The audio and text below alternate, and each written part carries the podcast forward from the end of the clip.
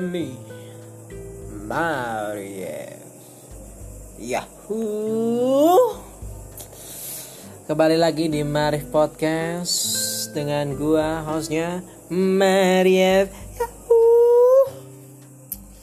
Uh, Gue ini rekaman tanggal 17 April Hari Sabtu Tahun 2021 jam 20.21 uh, malam ya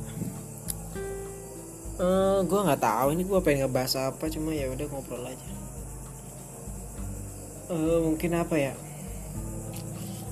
Ada dua gue pengen gue tuh ada cadangan ngebahas fiksi sama ngebahas negara kacau gitu misalnya. Uh, keuntungan negara kacau keuntungan negara kacau aja dulu ya. Gue coba ini jadi misalnya gue banyak gue mikir ya nih itu kan namanya gue cuma ada premis gitu. Penjelasannya gimana ataupun mau dibawa ke mana gue nggak tahu. Gue cuma asal lempar-lempar premis aja. Ini kita masuk sesi berita dulu ya. Sesi berita tuh gue kemarin baca ada masalah kayak ada metafor yang menurut banyak orang nggak apple to apple gitu pertemuan apa Jokowi itu dengan apa gitu? Itu disamakan dengan pertemuan Nabi Adam dengan Fir'aun gitu. Itu terus juga ada apa lagi ya? Ya ada pernyataan tegas oleh gubernur gua ya terutama Jawa Barat Ridwan Kamil. Kalau ASN itu Gak tau sih itu ASN Bandung atau ASN Jawa Barat? Harusnya ASN Jawa Barat ya. Dilarang mudik gitu. Udah gak usah banyak alasan lah udah. Resiko kan. Jadi udah udah secara tegas ya. Wah ya ya oke gue juga mudik ke mana sih? Paling jauh Indramayu. Terus juga apa ya kemarin deh ya mungkin lo yang nggak tahu udah lama sih. Itu sih pangeran pangeran apa ya? Kita sebutnya. Suaminya Ratu Elizabeth itu. Pangeran William ya meninggal dia. Nggak tahu sih gue itu. Kasihan maksud gue anak ini kan yang yang yang apa ya? Yang yang kemungkinan jadi kan itu cucunya ya. Anaknya dari Ratu Elizabeth itu umurnya udah berapa? Gak mati-mati. Usia berapa itu? Gak mati-mati. Aneh banget terus juga gue baca ya ada isu reshuffle Kementerian Pendidikan. Sebenarnya gue pengen ngebahas konsep merdeka belajar dari uh, Menteri Pendidikan kita Nadiem Makarim cuma dia di dia apa ya di diisukan kalau dia itu termasuk yang akan direshuffle gitu. Tapi kemungkinannya katanya ya dari pihak jubir pemerintah ya itu nggak tahu kalau Nadiem. Cuma yang pasti ada perubahan dari Menteri Keuangan itu jadi Menteri Investasi itu. Terus juga Menteri Pendidikan itu jadi itu disatukan dengan riset atau apa. Jadi kemungkinan besar yang jadi di reshuffle itu akan diganti dengan direktur riset dan apa teknologi ya. Ya mungkin ya karena kita lagi butuh-butuhnya riset jadi pendidikan itu difokuskan ke riset dulu. Ya nggak paham lah nanti lu baca aja lah gue juga kenapa ini diganti.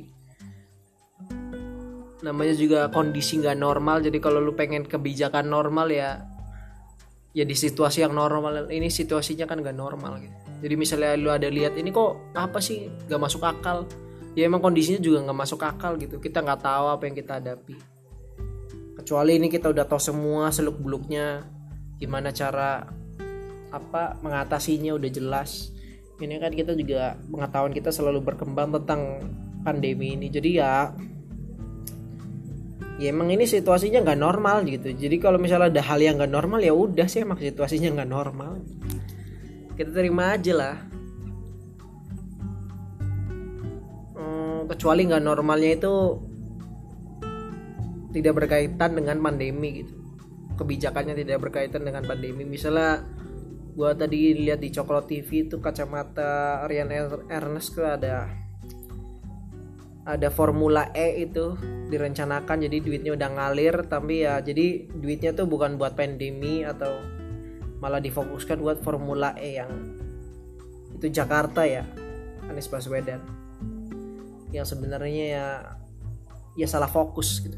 Dianggap salah fokus yaitu mungkin gak normal dalam pandangan yang ngaco gitu. Coba kalau nggak normal kayak misalnya kan udah bilang kita semuanya ini ada berapa kementerian gitu. Jadi kementerian kesehatan sama kementerian apa sih?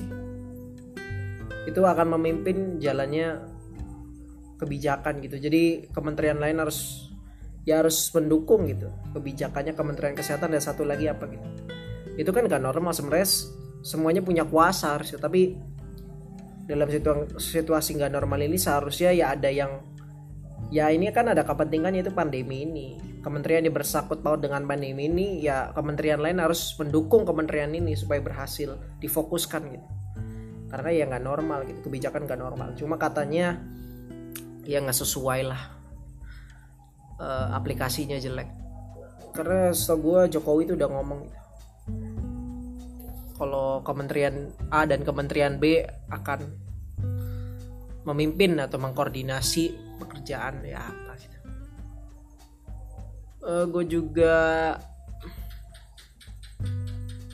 uh, ada yaitu tentang pamer-pamer kemewahan yang ya gue juga nggak tahu kenapa ditanggepin sama Deddy Corbusier ya jadi ada pendapat Adi Armando bahwa secara ilmu sosiologi ya dia kan lulusan doktoral psikologi psikologi apa psikologi bukan sosiologi ya doktoral sosiologi atau S2 ya secara psikologi mungkin kita misalnya pendapatnya adalah orang miskin itu dia nggak marah dengan kemiskinannya tapi dia marah jika melihat orang yang tidak miskin menghambur-hamburkan kekayaannya menghambur-hambur apa ya seperti terus juga gampang dapat dapat kekayaan gitu. Sedangkan dirinya udah bekerja keras kok susah gitu. Jadi ya itu ya ilmu sosial ya ditangkap itu ya benar. Cuma ditanggapinya katanya ya kan ada penontonnya. Jadi yang salah siapa ya penontonnya? Si yang Pak Edi Ade Armando ini nggak salah karena dia berkata apa menyakat menyatakan fakta sosiologi gitu. Terus juga si artisnya atau si selebritinya gak salah karena dia tahu itu ada penontonnya dan menghasilkan uang gitu. Terus juga ya si jadi ya yang salah yang bisa disalahin ya penontonnya. Kalau penontonnya nggak suka dengan tayangan pamer-pamer atau kemewahan-kemewahan ya ya seharusnya nggak kayak gitu. Terus juga gue oke okay lah itu fakta sosiologi gitu maksudnya. Tapi kan kita lihat aja misalnya emang orang-orang pada marah dengan video-video pamer-pamer kayak gitu ya kita lihat aja videonya yang diselek berapa. Menurut gue lebih banyak yang nge-like gitu. Karena kalau menurut gue ya orang yang apa ya kalau emang orang gak suka orang pamer-pamer ya kayak gue aja gue nggak suka orang yang pamer-pamer. Ya udah nggak nonton gitu. Bukan gue nonton gue biarin ngeliatin dia kecuali dia pamer-pamer di depan gue gitu. Kalau di YouTube itu kan kita bisa milih kita mau lihat atau enggak gitu beda loh. Jadi itu secara sosiologi cuma ada nggak sosiologi digital gitu? Kan mungkin itu sosiologi pas lagi kita belum terlalu di apa belum terlalu terdigitalisasi ya. Itu masih kita ngelihat tetangga sebelah gampang dapat kekayaan dapat dapat uang gampang tapi diambur-hamburin kita kesel. Tapi kan ketika ada YouTube itu kan ya kita punya kekuasaan penuh atas apa yang kita tonton gitu apa yang kita lihat jadi ya kalau gua yang emang gak suka ngeliat orang pamer itu ya udah nggak nonton gitu. Karena emang bisa bisa nggak nonton kecuali tetangga lu pamer-pamer ya karena lu tetanggaan ya lu harus terpaksa nonton gitu. Ya itu yang ngebuat lu emosi. Tapi kalau emang lu gak mau nonton dan kita udah terdigitalisasi udah kekuasaan kita udah penuh atas apa yang kita tonton apa yang kita lihat ya tinggal nggak usah ditonton gitu. Dan yang nonton yang nge-like kalau lu misalnya orang itu pada marah ya kita lihat aja videonya. Yang like berapa? Yang dislike berapa? Gue ngeliat ya lebih banyak yang like gitu. Orang kan pada kecewa kok yang trending kayak gini-gini? Ya mereka juga yang ya kalau mereka nonton ya mereka salah gitu. Ngapain ya? Lu ikut berkontribusi dalam trending kan gitu. Kalau lu nonton. Kalau lu nggak nonton juga ya udah sih gitu. Ya apa gitu? Ya ya seharusnya lu nggak tahu nggak ngelihat. Tapi bisa aja tuh gambarnya aja pamer-pamer. Cuma pas lagi dalamnya edukasi kan lu nggak tahu lu nggak nonton. Lu cuma ngeliat judul terus sama apa sampul cover. Cuma bisa aja isinya edukasi. Ya walaupun mustahil sih. Ya itulah jadi berita ya yang apa ya? Yang mungkin ya penting lah ya ada ada gunanya gitu. Bagi kita. Gue ini pengen ngebahas gak tau gue nyeletuk aja gitu. Salah kita tuh selalu berusaha NKRI harga mati gitu. Kita selalu berusaha menjaga kutuhan negara. Kita berusaha menjaga stabilitas negara. Kita selalu menjaga apa namanya uh, kewarasan negara gitu. Tapi gue coba ngeliat itu dari sisi yang yang berbeda gitu misalnya oke misalnya kacau gitu misalnya ini semua kacau ya. Misalnya tiba-tiba kita ribut gitu. NKRI ini bubar NKRI ini bukan bugar minimal NKRI ini terancam gitu. Kita saling bermusuhan kita udah kita udah ini antara rakyat dan pemerintah ya. Bukan rakyat dengan rakyat. Kalau rakyat dengan rakyat kemungkinannya kecil lah. Itu mungkin akan tergerak kalau ada sara gitu. Ini kita gue mikirnya kayak gimana kalau nanti misalnya ini pemerintah udah udah terpisah nih sama rakyat nih. Udah kacau lah kebijakannya kacau gitu. Udah nggak waras. Jadi gimana kalau misalnya kacau apa sih keuntungannya gitu? Soalnya gue ya karena kita berusaha harus ya kalau bisa nggak kacau gitu. Tapi kadang-kadang juga gimana kalau kacau itu malah jalan terbaik gitu. Dengan kacau ini malah menimbulkan efek yang baik. Ya kalau ini ini asumsi gue aja gitu ya. Gue ini asal nyeletuk aja gue ya biasa pengen beda lah kan orang-orang pada ayo kita membuat Indonesia tambah bersatu gitu. Kalau gue oke okay, biarin pemerintah semakin semakin otoriter biarin pemerintah semakin ngebungkam orang. Ya kita balikin lagi masa orde baru gitu. Biar gue pengen ngeliat ada gusdur gusdur baru revolusi lagi. Dengan kekacauan itu ya. Kalau emang misalnya pemerintah sudah kebijakannya udah udah represif udah otoriter kadang-kadang gue soalnya gue ngeliat tuh arahnya bukan arah menghilang otoriter itu.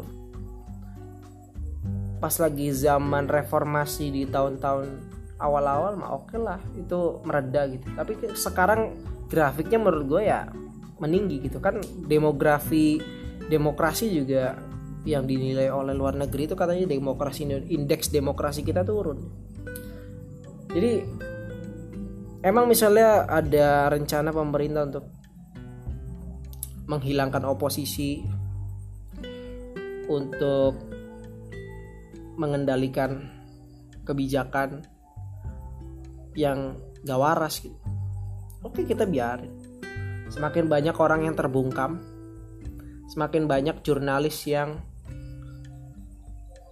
yang susah untuk mendapatkan suatu fakta atau terancam untuk mendapatkan suatu fakta.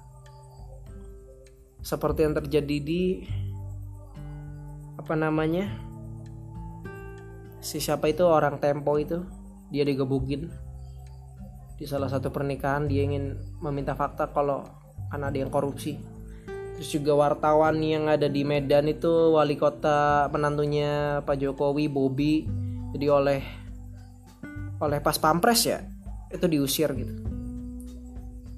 kata komandan pas pampres ya dia menyatakan kalau ya itu diusir karena dia nggak punya tanda pengenal gitu.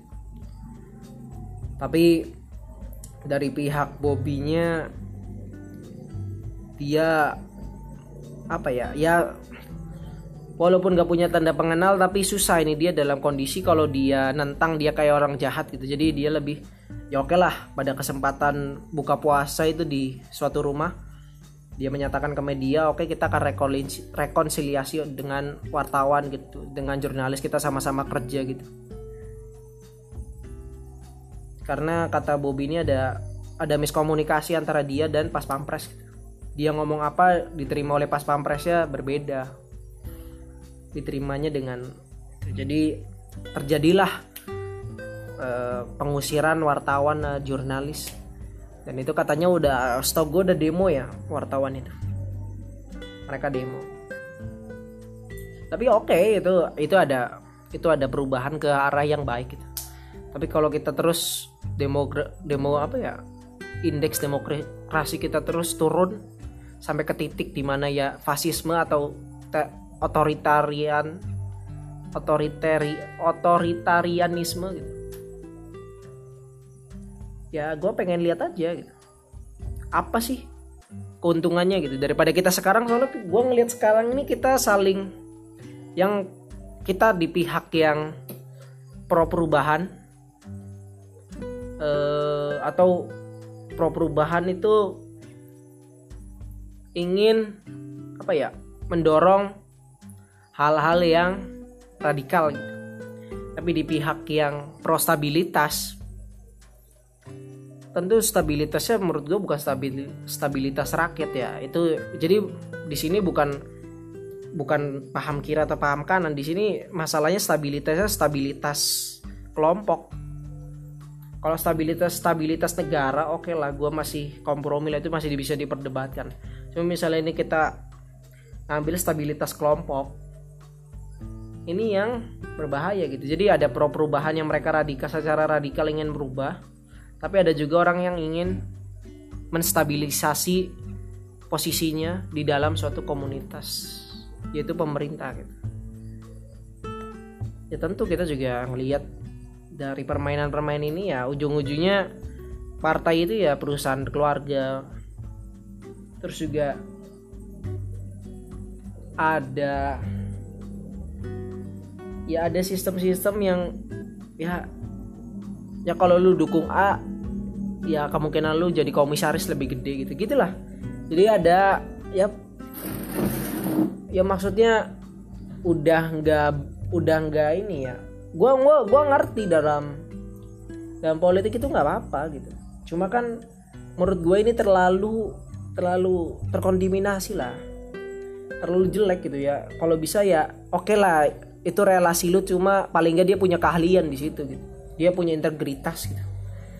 Kalau udah nggak nyambung terus juga integritasnya diragukan lu masukin ke situ ya kesel gitu. Nggak apa-apa ya itu itu pendukung lo gitu. Oke nggak apa-apa gitu. Tapi paling nggak rakyat itu percaya dia punya integritas punya kemampuan untuk melakukan pekerjaannya. Paling nggak itu minimal itu urusan dia dapat itu karena koneksi lu atau karena dia pendukung lo pas lagi masa kampanye ya nggak apa-apa. Selama dia punya integritas dan kemampuan gitu. Tapi gue ngeliat sekarang kan uh, demografi korupsi kita meningkat. Itu juga yang yang gua yang gua baca itu katanya itu itu juga meningkat belum dicatat sama korupsinya Nurdin Abdullah Benur sama bansos gitu. Itu belum itu belum sama itu meningkat tuh. Jadi kalau udah ditambahin itu yang meningkatnya berarti lebih signifikan. Kita lebih buruk dari apa ya? Secara itu kan pakai persenan lebih buruk dari Timor Leste atau apa gitu. Tim apa sih? Iya setahu, setahu gua Timor Leste deh. Yang negaranya ya secara stabilitas jelek bisa ya pokoknya kita rendah lah integritas penjabat kita rendah gitu. jadi gue tuh ngeliat tuh dalam sisi apa ya kita berjuang gitu untuk untuk memberikan check and balance bagi pihak pemerintah kita ngasih asupan-asupan di mana ini salah ini keliru yang bener kayak gini gitu tapi ujung-ujungnya itu bukan bukan ada penerimaan asumsi gitu. Tapi mereka bakal nyari jalan tengah. Mereka berusaha oke okay, rakyat pengennya A gue pengennya B. Gimana itu gue bisa dapat B? Gimana gue gua nggak nggak B bisa masih gue dapet lah. Tapi gue juga gak, gak mau bikin marah orang yang ngasih pendapat ah jadi mereka nyarinya tengah-tengah gitu. Jadi mereka tetap dapat B tapi ya A nya juga ada gitu. Biar yang yang ngasih pendapat A ini nggak marah gitu. Paling nggak pendapatnya ya agak dijalanin gitu. terus gue ngeliat kan kayak ITE ini kayak jadi painkiller aja. Jadi ketika kita apa ya jadi cara gue ngelihatnya ya mungkin ya ini asumsi gue kebijakan-kebijakan yang ngasih angin segar bagi kita itu. Ngasih kelegaan gitu. Itu bukan memang kondisi yang dikehendaki untuk memperbaiki memperbaiki sistem. Tapi lebih untuk ya painkiller aja gitu. Oke kita lagi ribut masalah ini. Oke gue ngasih ITE bakal dikendorkan gitu. Wih rakyat senang jadi rakyat marahnya turun. Jadi kayak tingkat emosi kita emosionalitas kita tuh ya di dimanipulasi aja gitu. Rakyat marah kasih ini turun terus ngasih lagi ngaco lagi naik lagi intensi kemarahannya. Kasih lagi yang bikin seneng lagi turun. Jadi gimana caranya dia dapat sesuatu tanpa rakyat ini bakal di tempat di mana rakyat akan nggak nggak percaya sama pemerintah gitu. Jadi harus dijaga tuh fluktuat fluktuasi kemarahan fluktuasi kepercayaan rakyat kepada demokrasi. Dan misalnya gue anehnya tuh kayak ya kita kita melakukan survei kalau rakyat berapa persen itu percaya dengan pemerintah. Oke nggak apa-apa melakukan survei. Tapi ya kalau mau melakukan survei itu di ketika itu kan maksudnya survei itu kan itu sangat manipulatif gitu. Kayak lu melakukan survei demokrasi tuh lu melakukan survei kepercayaan rakyat kepada pemerintah kayak misalnya di posisi setelah pemerintah mengeluarkan kebijakan bagus gitu ya pasti akan meningkat gitu tingkat kepercayaan rakyat. Tapi misalnya kayak lu coba ngesurvei kepercayaan rakyat pada saat Omnibus Law, RUU KUHP. Lu coba dong surveinya pas lagi itu. Jangan lu survei pas lagi rakyat lagi lagi dapat angin segar lu survei ya hasilnya jadinya bagus gitu. Jadi kan fluktuatif itu. Jadi permainan aja gitu. Gua aduh. Maaf ya gue kalau politis banget di sini. Cuma ya biar ini kan pembahasan bisa lama gitu. Jadi gue tuh kadang-kadang kita yang berusaha ngasih hal yang waras gitu masuk akal. Tapi di di apa ya dijalaninya dengan dengan moderasi gitu bukan dengan penerimaan. Jadi gue punya pendapat B secara konsep secara implikasi itu masuk akal gitu. Terus pihak sana punya uh, pendapat B gitu. Eh pendapat apa? Pendapat C gitu. Yang secara konsep ngaco secara penerapan ngaco gitu. Nah ketika itu itu itu itu itu di apa ya itu dinegosiasikan itu bukan pendapat gua yang secara konsep masuk akal secara implikasi masuk akal yang dijalanin tapi mereka berusaha. Kita tetap ngejalanin A tapi ya kita juga nggak nggak boleh bikin marah orang yang ngasih pendapat B yang masuk akal dan se secara apa secara konsep masuk akal dan secara pen penerapan masuk akal gitu. Jadi jangan terlalu A gitu tapi A nya tetap aja ada ada bibit-bibit A di dalamnya gitu. Jadi lebih ke moderasi lebih ke negosiasi bentuknya. Bukan oh ya udah kalau masuk akal dan penerapannya masuk akal ya udah jalanin ini. Cuma harus ada jadi gue pikir-pikir tuh kayak udahlah nggak usah ngeritik gitu. Kalau kayak gitu mah kalau mereka udah tahu caranya biar mengendalikan fluktuasi emosional mengendalikan kepercayaan mendingan kita kita nggak usah ngeritik aja kita biarin aja. Kita ngelihat betapa hancurnya kebijakan kita nggak akan ngelihat betapa hancurnya konsep itu. Udah nggak usah ada konsep check check and balance. Kita biarin aja. Kita biarin mereka ngebungkam kita biarin. Semuanya dilakukan sesuai stabilitas kelompok gitu. Untuk mendapatkan stabilitas kelompok silahkan aja nggak apa-apa. 2024 lagi nih kan? Lagi gampang-gampang nyari suara. Udah kita biarin aja gitu sekacau-kacaunya. Gue gue pengen lihat di mana. Kondisi di mana ada kembali lagi masa orde baru gitu. Enggak gue gue bukan berarti gue memimpikan orde baru kembali lagi. Bukan gue memimpikan efek dari orde baru itu. Itu revolusi. Ini gue provokatif gak sih kayak gini? Enggak kan ya? Ini soalnya gue gue gue tuh kayak kalau memang karena menurut gue revolusi orde baru itu nggak berhasil. Karena kita fokus pada pener, pembangunan ideologi pembangunan infrastruktur gitu. Tapi hal-hal fundamental kayak beragama hal-hal fundamental kayak ya sara gitu itu itu nggak terlalu difokuskan gitu itu sebenarnya ya itu yang yang jadi permasalahan kita sekarang. Kalau mungkin pas lagi kita orde baru kita memikirkan hal tersebut gimana cara kita beragama gimana cara kita memandang sara gitu. Gimana penerapannya terus juga bagaimana kita bersosialisasi dengan antar rakyat gitu.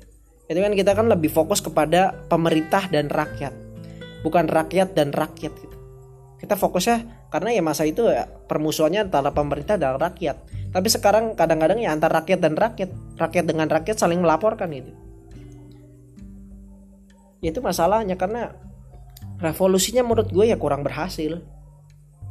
Ya udah yang revolutornya juga ya itu kan maksudnya keadaan biologis. Orang semakin tua ya semakin gak mau ribet lah. Ya mereka kan masuk ke sana semua. Jadinya nggak ya nggak menggebu-gebu lagi. Ya udah gitu yang penting dapat uang lah kalau masih muda kuliah kan ya daripada kuliah mending teriak-teriak lah. Kan lulus juga gitu. Lulus jalur demo kan. Ya ini gue mungkin agak agak ngeselin ya agak. Tapi gimana ya gue tuh gatel aja gitu pemikiran gue tuh kayak udah kita biarin aja gitu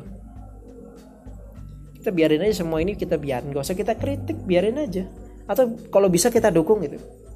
Tapi kita biarin biarin terus semakin otoriter semakin fasis gitu. Secara nilai ya secara konsep. Gue pengen tahu gue gue gue ngarepin kayak orang-orang kayak Gus Dur muncul.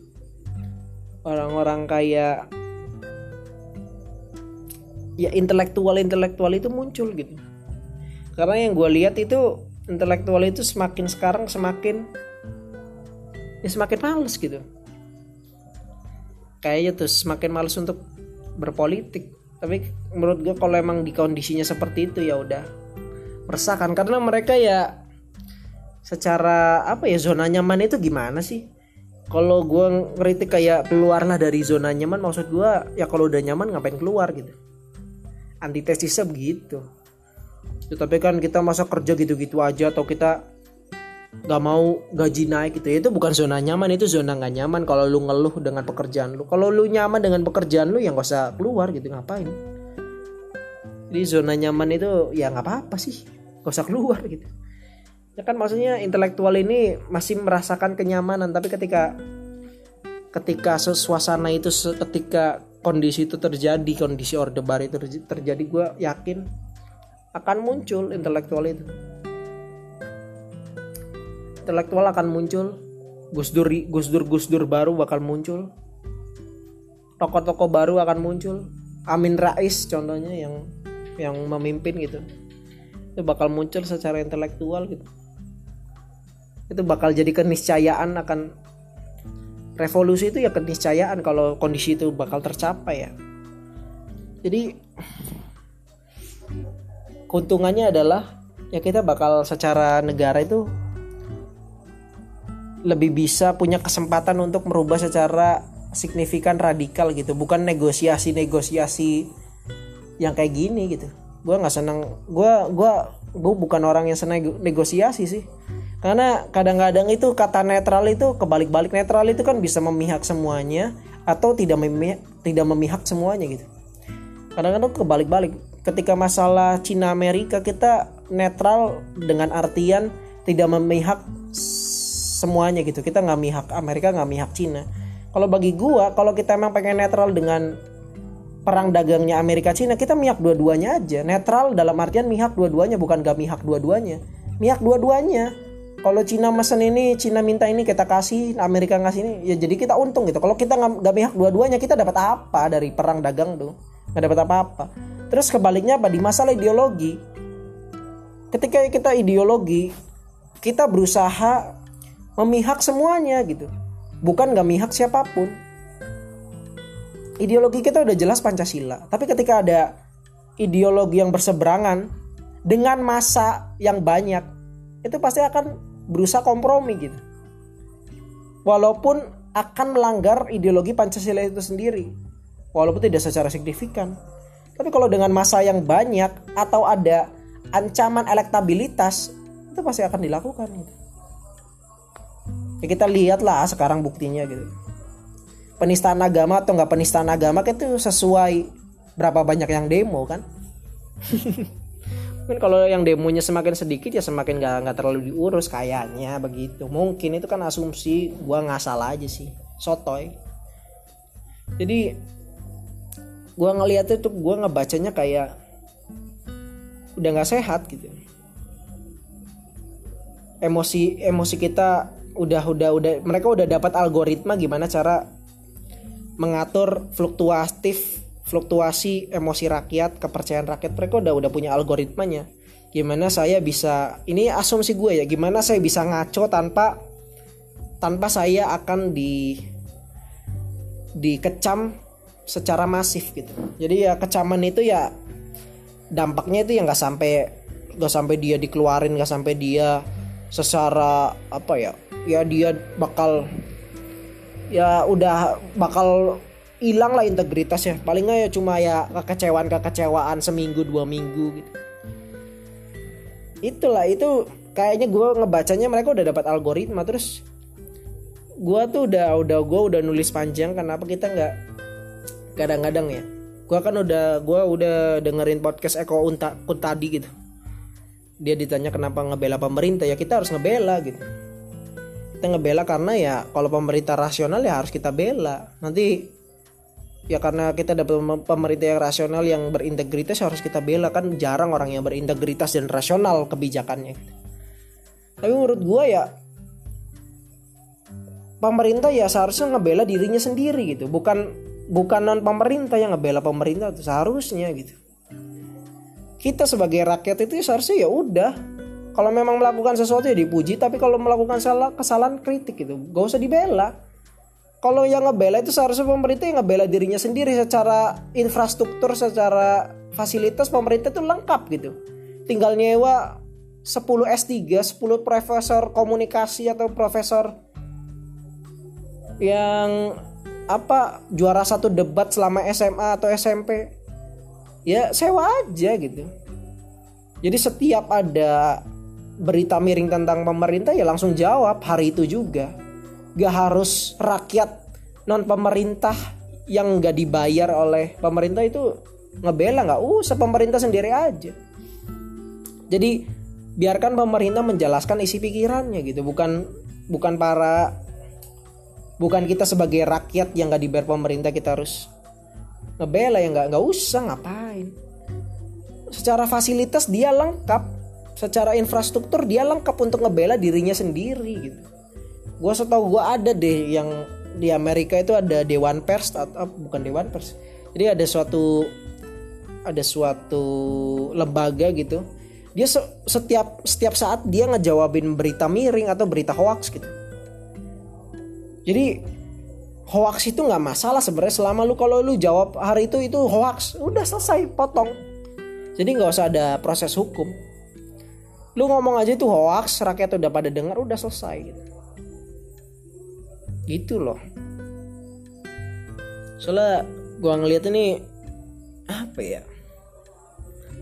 Ya pandemi memang situasi nggak normal gitu. Jadi misalnya ada ketidaknormalan nggak apa-apa lah. Jadi ya sekarang mah gue nggak apa-apa misalnya ada kekacauan logika kekacauan konsep gitu. Tapi misalnya setelah pandemi ini selesai dan masih kacau ya nggak apa-apa silakan jalan. Dan gue ngarepin ada perubahan secara signifikan. Ini gue sebenarnya ini gue cuma cerita aja. Nggak nggak bukan berarti gue mengkampanyekan atau enggak gue juga nggak megang nilai. Gue cuma berimajinasi gitu. Ini bisa nggak sih gitu? Kalau gue sih nggak masalah gitu terserah aja sih. Gue sih perangnya tinggal perang gitu ya. Ya gimana gue sih ngikut-ngikut aja sih. Kalau gue kan ya individualis gitu. Dibilang peduli gue tuh ya peduli maksudnya ada faktor kepedulian. Cuma gue udah udah prinsip gue ya gue cuma pengen memahami dunia. Gue nggak mau mengubah dunia gitu. Gue cuma pengen memahami kalau A itu akan terjadi B. Kalau kita melakukan B terjadi A. Urusan A atau B itu dilakukan ya terserah gitu. Cuma yang penting gue tahu kalau A itu bakal menghasilkan B B itu bakal menghasilkan A gitu. Yang penting gue tahu urusan itu akan dilakukan atau urusan itu bakal diterapkan itu gak gue nggak nggak nggak peduli. Kayak lu misalnya nanya ini apa? gitu. Gue bakal jawab. Cuma urusan lu melakukan apa yang apa jawaban melakukan apa yang gua saranin atau gua jawab itu ya terserah lu jadi kepentingan gue itu untuk memahami memahami struktur sistem gitu. Urusan sistem itu kan berubah sesuai pemahaman gue ya nggak usah gitu. Terserah. Ini gue cuma gimana ya? Gue gue kepikiran karena ya karena yang selalu muncul itu NK NKRI kita menyatukan kita harus menjaga gitu. Coba dibiarin gitu gue cuma gue gue cuma pengen beriba imajinasi gue cuma pengen ngambil perspektif di mana kalau kita tidak bersatu kita tidak terjaga gitu. Kita menyapai mencapai pemerintahan yang otoriter dan uh, fasis gitu. Itu apa sih keuntungannya gitu? Seolah-olah jadinya kalau kita menjaga itu berarti tidak ada keuntungan dari hal sebaliknya. Coba coba hal sebaliknya terjadi. Kita udah kita biarin aja lah. Kekacauan ini berlangsung kita biarin gitu. Nggak usah kita kritik udah biarin aja jalan. Atau kita dukung biar dia semakin semangat untuk melakukan kesalahan gitu kekacauan biarin. Terus terus. Di mana titik dia sudah ke apa revolusi itu muncul sebagai keniscayaan itu. Keniscayaan itu baru. Menurut gue ada keuntungannya. Cuma gue nggak bisa gue nggak bisa ngomong ini adalah sesuatu yang baik gitu. Gue cuma bisa ini ngomong ada keuntungannya tapi kalau sesuatu yang baik secara gambaran besar menurut gue ya kayaknya enggak deh.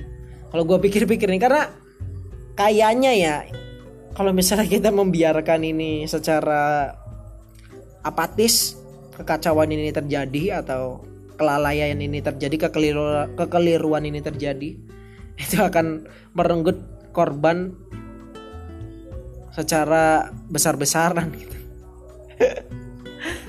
tentu ya mungkin ya lu mah mungkin gak ngerasain gua yang misalnya ngerasain kebijakan pemerintah gitu kacau gue ya jadi di sisi lain kalau nggak terjadinya perubahan besar-besaran ini kita bakal ya ya mungkin berubah cuma bertahap gitu. Ya 0,2 persen 0,2 persen. Jadi mungkin akan berubah seperti apa yang kita mau selama ya mungkin lima generasi kalau mau ya. Urusan rakyat dengan rakyat ini urusan rakyat dengan pemerintah itu cepatlah. Itu kan masalah masalah sistem itu kan fasilitas infrastrukturnya lengkap. Cuma masalah rakyat dengan rakyat ini kan gue yakin lama. Masalah pendidikannya terus juga masalah yang nunggu yang tua-tua pada mati gitu ya lima generasi empat generasi. Jadi kalau mau ya lama. Cuma kalau kita ngelihat gua ngelihat ngebacanya itu bukan semakin ke arah sana tapi ke arah mundur gitu. Kalau gua ngelihat ya ngebaca gitu. Ya kita lihat aja setelah pandemi ini setelah uh, mencapai ya udah nggak ada. Tapi nggak nggak bakal menurut gue sih nggak bakal normal sih ya. Tetap aja ya gue juga kayaknya tetap pakai masker. Kalau cuci tangan gue dari sebelum corona juga cuci tangan. Kalau pakai pakai masker nggak pernah gue baru corona ini aja. Tapi kalau cuci tangan ya gue setiap 4 jam cuci tangan di sekolah tuh. Ya sekalian cuci muka sih. Gue kan minyakan. Muka gue minyakan jadi setiap 3 jam 4 jam. Ya kadang-kadang 2 jam gitu. Kalau udah minyaknya keluar ya gue ke wastafel sekolah. Ya gue cuci ya cuci muka ya cuci tangan dulu terus juga cuci muka. Cuci mukanya nggak pakai sabun nggak pakai sabun. Cuma ya air aja raup gitu. Tapi ya cuci tangan dulu gue takutnya tangan gue kotor kan megang-megang muka malah tambah malah jadi jerawat kan. Jadi gitu uh, ya gitulah. Jadi gue cuma pengen ngebuka diskusi apa yang terjadi kalau NKRI kita bubar gitu ada nggak sih potensi-potensi keuntungan atau apa ya potensi-potensi kebaikan gitu yang akan muncul? Tapi ya kalau kita ngomong itu baik itu bakal jahat karena itu bakal merenggut korban sangat masif gitu. Jika ini runtuh hancur gitu atau kacau ya minimal gak terkendali lah. Itu pasti bakal merenggut korban banyak orang secara mental ataupun secara material gitu kalau kebijakannya ngaco bakal banyak orang yang misalnya kebijakannya tentang sandang pangan papannya nanti banyak orang yang kesusahan. Atau sih gue juga kayaknya gak gak jelas gitu. Gue juga gue tuh kadang-kadang tuh ngeliat tuh kok uang kita tuh gue kayak ngeliat uang Singapura gitu. Tulisannya cuma dua tiga empat. Kita tuh sampai ada seratus ribu. Maksud gue ya udah sih nolnya hilangin aja gitu. Kenapa nggak? Ya maksud gue gitu tuh. Nol tuh hilangin aja. Nanti lama-lama tuh kayaknya ada satu juta dalam satu kertas ini semakin gede aja. Sebenarnya kan sama satu dua gitu aja tuh. Jadinya semakin semakin ini loh menurut gue nanti lama-lama di spesifikasi 16.250 gitu tuh. Gue takutnya tuh ke sana gitu kalau kita nggak apa mengecilkan angka gitu. Kalau kita semakin membesarkan angka nanti takutnya malah kita mata uang kita tuh semakin terbawa nilai gitu. Nanti ngikutin ya nggak tahu sih. Jadi kenapa daripada kita seribu dua ribu lima ribu seratus ribu kenapa nggak satu dua tiga gitu tuh? Nolnya hilangin aja sih banyak banget anjing. Gue tuh ngeliat tuh uang Singapura gue tuh kan dapet tuh. Ini kecil-kecil gitu tuh jadi apa ya ngapain? Angka gede-gede tuh ngapain sih gue ngelihatnya tuh ngapain gitu sampai seratus ribu. Kok gede bisa sih satu kertas tuh seratus ribu angkanya tuh. Kenapa nggak kecil-kecil aja biar nanti ya apa ya ya misalnya lu ngasih nominal satu juta tuh nggak malu. Lu pasti kalau misalnya ngasih apa ya suatu hari ada uang gitu sejuta secara nominal gitu sejuta tapi kalau tulisannya kita udah ganti gitu yang tadinya seribu jadi satu dua ribu jadi dua itu sejuta misalnya jadi seratus gitu. Kan maksudnya masih anak lah. Tapi nantinya kayak uang-uang Zimbabwe gitu ada 50 juta gitu. Lama-lama ya kacau aja nih ya. Gak tau sih ada hubungannya sama inflasi atau apa gue nggak paham. Cuma gue emang ngelihatnya nggak enak aja gitu. Gue ngeliat tuh kayak ini nih ngapain sih sampai seratus ribu? Mendingan udah hapus gitu kayak ya misalnya nanti kita pengen ngeluarin uang yang satu lembar itu satu juta ya kita cuma nulis 100 gitu. Itu secara nominal ya misalnya beli tempe bisa satu juta tempe gitu. Tapi itu ya secara nilai mata uangnya cuma tulisannya ya 100 gitu. Jangan sampai nanti kita ya udah kita bakal mentok di duit 100 ribu. Nanti lama-lama ya kita ya udah. Apalagi nanti misalnya dolar semakin naik itu kita harus bawa 100 ribu berapa banyak untuk bertukar dengan barang yang membutuhkan apa ya yang menggunakan currency dolar gitu. Mungkin kita sampai segerobak-gerobak gitu. Tapi kalau kita misalnya uang itu satu juta, satu, satu juta tapi nominalnya kecil itu ya kita bawa dikit aja gitu. Lama-lama gitu ya apalagi nanti ini ada pendapatnya bosman itu i rupiah. Ya banyak kemungkinan. Ya gue juga lagi belajar. Karena gue baru ya masuk di gue gue lagi apa ya gue tuh masih terlalu buta sama sama politik tuh. Karena ya keluarga gue juga pesimis sama politik. Ya lingkungan gue pesimis sama politik tuh. Udah gue ada pengalaman pribadi yang tentang politik itu gak enak gitu pengalaman pribadi gue jadi gue tadinya agak anti cuma oke okay lah gue masuk lah. Yang ya paling gak gue tahu gitu apa yang kejadian. Kan kalau ngebaca secara secara bagus mah enggak gue nggak bisa. Cuma gue dengerin aja pendapatnya Profesor Salim Said kalau dia lagi ngomong. Pendapatnya total politik kalau lagi ngomong. Pendapatnya Cokro TV kalau lagi ngomong pendapatnya Rocky Gorong kalau lagi ngomong. Ada suatu kejadian ada banyak pendapat gue coba mikir-mikir gitu. Itu kan ya saling bertentangan cuma gue pengen tahu itu tuh apa sih? Minimal itu ya ada kepekaan lah kita yang muda. Ya gue juga ini kan sebenarnya asumsi aja ya lu udah baca gue bukan pakar gue bukan ahli asal ngebacot aja.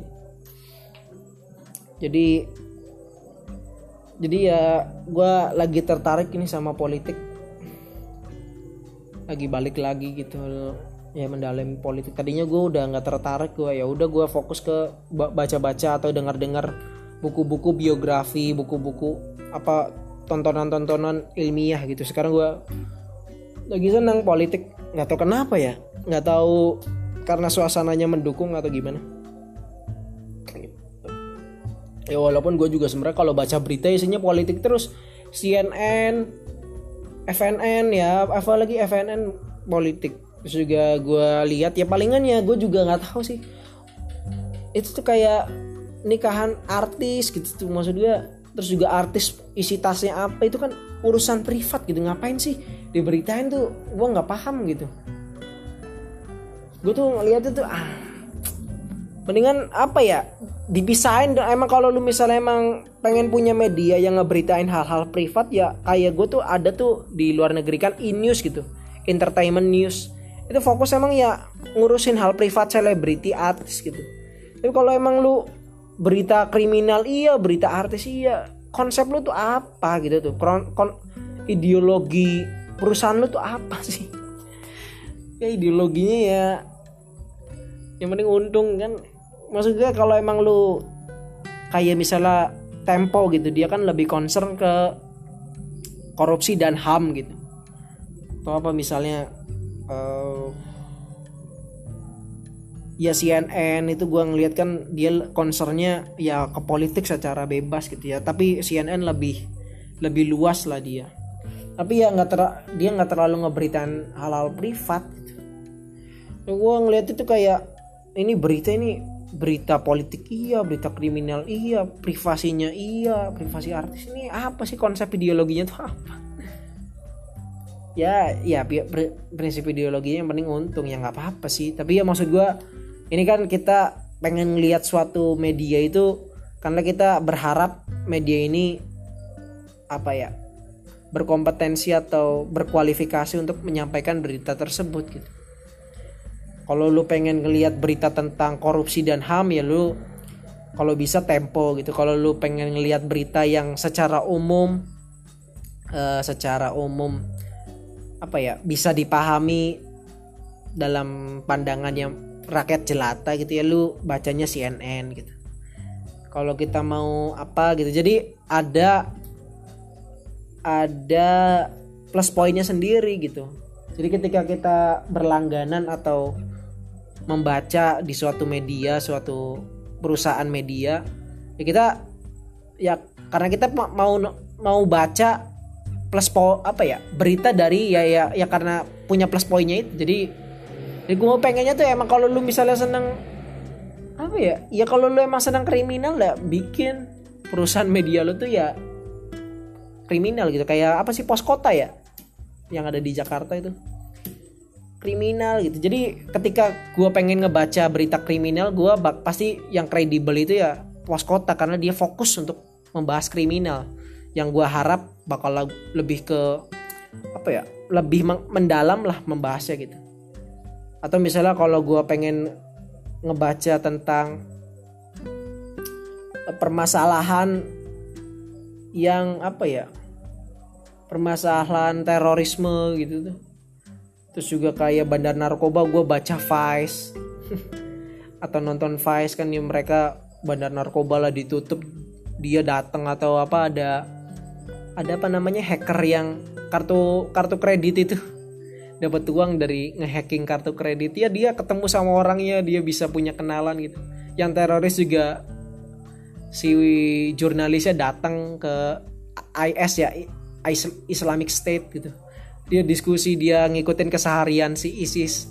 Itu lebih eh, apa ya lebih lebih mendalam gitu ngebahasnya. Jadi ada poin plusnya poin plus sendiri gitu di setiap media berita di setiap media informasi. Jadi ketika ada media informasi semuanya dimasukin ini apa pengennya nih? Jadi nggak kredibel atas semuanya gitu. Karena dia nggak ada nggak ada fokus atas satu hal. Jadi misalnya kita ngelihat ini tentang kalau kita mau tahu gosip artis atau privasi artis ya gue lebih baik ngelihat apa namanya lambe turah gitu. Itu lebih kredibel karena dia informasinya ya informannya banyak gitu. Dia kan juga membuka diri untuk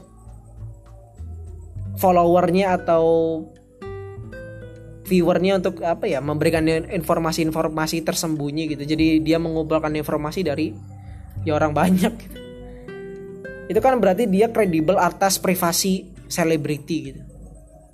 Ada yang kredibel atas apa gitu. Jadi ketika lu pengen ngabungin itu semua dengan harapan lu pengen untung aja maksud gua oke okay lah untuk orang-orang yang ya orang yang seneng nano-nano mau oke cuma gua yang gua pengen spesifik tuh maksudnya gua baca berita lu tuh kira-kira lu, lu tuh kredibel di bidang apa gitu? Lu kredibel di, di media apa ya? Di berita apa ya semuanya lu masukin gitu. Gua nggak tahu lu, lu kayaknya cuma nyomot-nyomot.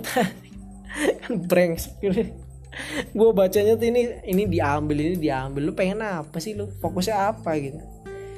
Concern lu tuh di mana? Ya minimal concern lah. Urusan ideologi atau idealisme ya nggak usah lah. Pokoknya concern aja minimal concern. Concern lu tuh apa gitu? Concern dari perusahaan lu tuh apa concern lo itu yang masih apa yang ya sepele-sepele gitu minimal concern gitu. Kalau sampai idealismenya ya itu lebih ya lebih substansial kalau itu. Tapi ya minimal concern gitu concernnya tuh di mana? Anjing lo masukin semua gue pusing lihat itu. Udahlah gue gak gak ada yang kredibel gitu jadi meragukan gue ya, meragukan beritanya. Apalagi kalau udah dia cuma ngasih berita yang memberitakannya oposisi aja gitu. Ya udahlah kayak apa Glora News ya. Gue tuh kan gue ngefollow gitu akun twitternya itu kayak kayaknya jelek semua. Jelek semua isinya tuh. Ini gue yang di twitter ya gue nggak tahu kalau dia punya web atau punya aplikasi. Gue yang di twitter tuh kalau gue baca tuh ya ya oposisi ya jelek semua gitu ya nggak apa-apa sih. Pokoknya dia berarti concernnya adalah beroposisi gitu. Ya nggak apa-apa lah terserah. Gue juga nggak gue juga nggak terpatok dengan istilah kalau media itu harus netral. Enggak nggak apa-apa. Media memihak gak apa-apa kok. Banyak media yang memihak. Youtuber misalnya kayak misalnya ya ada youtuber dia ngomong dia dukung Jokowi. Ya nggak apa-apa. Emang salahnya di mana youtuber itu kan media dia. Dia itu media. Nggak harus netral nggak apa-apa selama ya rasional gitu memihaknya. Kalau memihaknya gak rasional ya karena dikasih duit ya baru itu ya secara etika salah gitu. Ya kalau lu rakyat biasa mah ya nggak apa-apa gitu. Dikasih duit seneng milih gitu. Tapi kalau lu sebagai media sebagai influencer lu kan menginfluence orang. Berarti lu mengkampanyekan kalau ayo selama dikasih duit coblos gitu ya itu salah. Tapi kalau buat lu sendiri dikasih duit coblos ya nggak apa-apa. Kalau lu dikasih duit buat nyoblos terus lu mengkampanyekan orang tersebut ya salah gitu. Karena lu media influencer gitu ya. Influencer punya tanggung jawab. Ya nggak apa-apa gue kan kayak si uus ngeritik. Gue nggak boleh ngomong kontol gitu anjing giliran orang jelata orang netizen boleh ngomong kontol tapi giliran public figure ngomong kontol dipermasalahin gak sopan kasar gitu. Ya gue sih nggak apa-apa sih kantal kontrol kantal kontrol tapi yang penting jangan menyesatkan gitu. Ya paling gak minimal punya tanggung jawab jadi jangan sekali-kali misalnya ngepromosiin apa namanya ya kalau di luar itu ada yang youtuber kena masalah judi gitu kan. Jadi dia penontonnya anak-anak dia mempromosiin judi. Kan ngaco aja. Kalau misalnya kayak judi-judi online itu kan ya emang yang nonton itu kita pengen nonton bokep pada ada iklan judi gitu. Ya kita udah udah paham gitu. Ya kalau ada ada konten bokep ya ada judi gitu. Yang yang promosi juga kan cewek-cewek seksi. Cuma ini kan youtuber anak-anak youtuber Fortnite youtuber ya penontonnya anak-anak gitu. Dia promosi judi ya ini nanti anak-anaknya pada judi pakai kartu kredit orang tuanya kan brengsek gitu. Kalau judi pakai kartu kartu sendiri kartu kredit uang sendiri ya nggak apa-apa. Jadi ya kayak gitulah ya jangan menyesatkan gitu. Kalau ngomong kantal kontrol nggak apa-apa public figure mah. Tuh kita juga ngomong kantal kontrol cuma ya ya ya kalau di media sosial kan kita nggak ngeliat orang. Tadi kita gua balik lagi ke ilusi media sosial ya. Kita ngelihatnya ya kata-kata kita ngelihatnya video kita ngelihatnya apa namanya? Video kata-kata sama gambar itu. Kita ngelihatnya gambar bukan orang. Kalau kita ketemu langsung maka itu juga nggak berani. Karena kita ngelihatnya bukan sebagai orang kita ngelihatnya sebagai kata-kata sebagai video sebagai gambar gitu bukan sebagai orang dan resiko untuk dapat masalah di media sosial itu lebih kecil. Jadi ya kita lebih berani di media sosial. Jadi ketika ada berita kalau kita itu adalah netizen yang paling toxic gitu Indonesia itu dalam datanya Google itu kan toxic dalam apa penilaiannya nil apa ya? Kayak soal-soalnya gitu. Misalnya lu psikotes itu kan soal-soalnya kan menurut dia gitu soal-soalnya dari dia. Jadi kualifikasi toxic itu kan jo apa ya? Kualifikasinya tuh udah misalnya satu sering ngomong kasar gitu itu itu kan basisnya di luar di barat. Kalau di barat itu kan basisnya ya privasi privasi ngebedain privasi sama urusan umum sama urusan privasi gitu. Urusan publik sama urusan privasi. Kita kan emang seneng urusin urusan privasi. Kalau kita kan emang sangat peduli gitu sekedar mengingatkan itu kalau boleh weh ini ini gue bukannya gini ya tapi ya kalau boleh kita terlalu peduli mengingatkan itu bukan toksik Buk, ya itu memang ngurusin privasi orang tapi kan kayak terlalu peduli gitu. Tapi emang brengsek sih. Sekedar mengingatkan. Eh kalau boleh eh. Bebacot anjing. Ya udahlah gitu aja. Udah 58 menit udah merah nih. Ya gue ya maaf kalau udah kayak orang mabok ya gitu aja. Lu tunggu tunggu tungguin aja episode episode dari Marif Podcast ini.